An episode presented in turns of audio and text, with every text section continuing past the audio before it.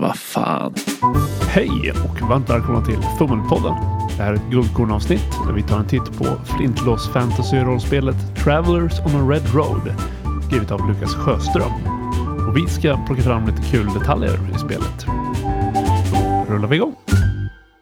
Jag heter Lukas och idag tänkte jag att vi skulle kika på Travelers on a Red Road som är ett rollspel i en ja, lite alternativ fantasyvärld. Det känns inriktat på äventyrande och culture gaming. Det är skrivet av Lukas Sjöström. Det är alltså inte samma Lukas som jag. Jag heter Lukas Falk. Och det är utgivet av Lukas själv. Alltså inte jag, utan den andra Lukas. Boken är 6x9 tum, så det är alltså aningen högre än A5-formatet. Strax över 150 sidor, svartvit inlaga med svartvita karaktärsfulla illustrationer gjorda av Filip Pettersson. Boken innehåller spelets regler, instruktioner för att skapa rollpersoner, information om den här spelvärlden, lite spelledartips och ett introduktionsscenario. Första guldkornet är spelets setting. Jag drar mig nästan för att kalla det fantasy för att det är inte det i den här ultra-traditionella bemärkelsen. Det är inte så mycket medeltida Västeuropa. Jag får mer känslan av Ryssland blandat med Amerika innan européerna kom dit. Både när det kommer till miljöer och även kulturerna. Det finns även magi och andeväsen men även sjöfart och flintlåspistoler.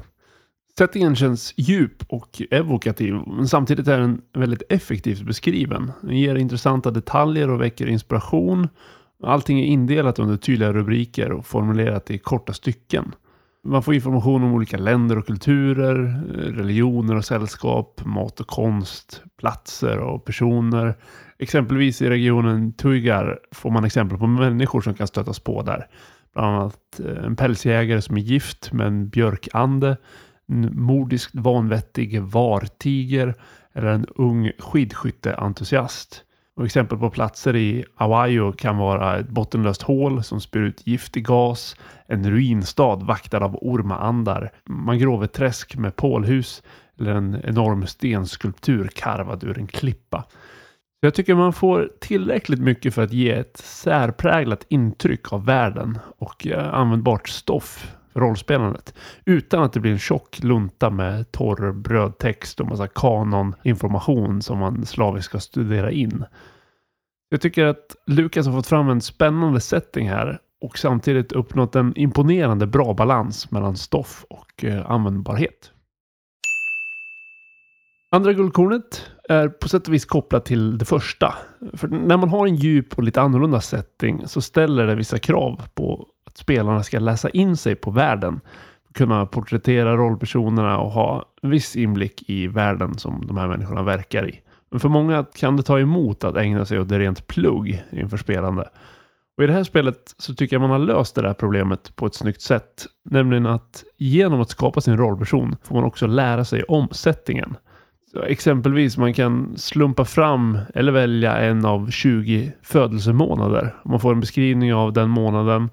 Men det påverkar också ens grundegenskaper och det säger någonting om hur invånarna i världen ser på födelsemånader. Det blir typ som en slags horoskop då. Och motsvarande saker gäller för hemland. Där får man korta beskrivningar av den regionen och kulturen. Det påverkar också grundegenskaperna, färdigheter och rent av eh, rollpersonens utrustning.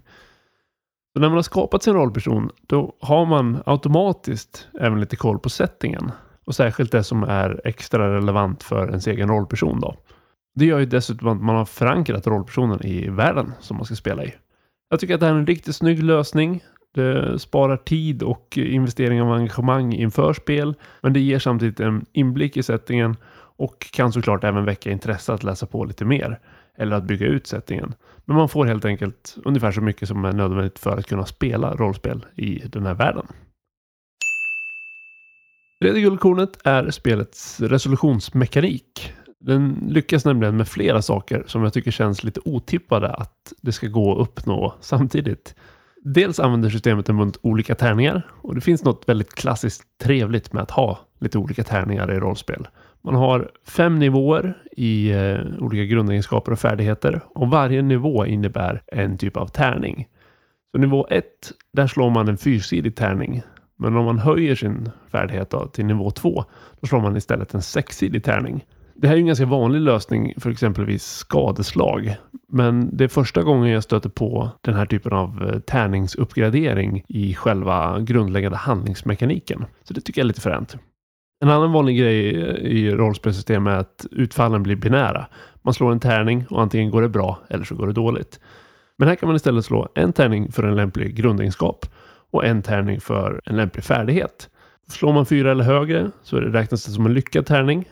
Och har man noll lyckade tärningar så misslyckas man med handlingen. Och har man två lyckade tärningar så lyckas man med handlingen. Men har man bara en lyckad tärning så är handlingen delvis lyckad. Så man klarar handlingen men det sker till ett pris eller med en bieffekt. Och det tycker jag alltid kan vara en intressant detalj att den möjligheten finns i alla fall. Så eh, hela resolutionsmekaniken känns som en smidig lösning. Det blir inga stora pölar av tärningar. Det blir ingen direkt matte. Det blir ett enkelt och smidigt system som fortfarande har icke-binära resultat, supersimpel uträkning och dessutom en mångfald av tärningar. Så det här tycker jag är riktigt trevlig speldesign. Slutomdömet är att Travelers on a Red Road känns som ett genomarbetat spel. Och det har en väldigt spännande setting och en intressant mekanik. Jag tjatar om det här, men tycker alltid det är kul när individuella spelskapare genomför sin spelidé och får ut det till allmänheten som Lukas har gjort här. Spelet kostar typ 150 spänn plus frakt på Lulu om man vill ha det i tryckt format. Och det finns även som Pay What You Want på Drive-Through RPG som pdf. Har ni något ni vill att jag ska kika på? Hör gärna av er. Skicka ett mejl till info Tack och hej! Du har lyssnat på Fummelpodden som presenteras i samarbete med Studiefrämjandet. Du får gärna gilla vår Facebook-sida eller kanske följa oss på Instagram. Länkar finns i avsnittsbeskrivningen. Har du feedback eller tips på ämnen? Gör gärna av dig via sociala medier eller skicka ett mejl till info.fummelpodden.se.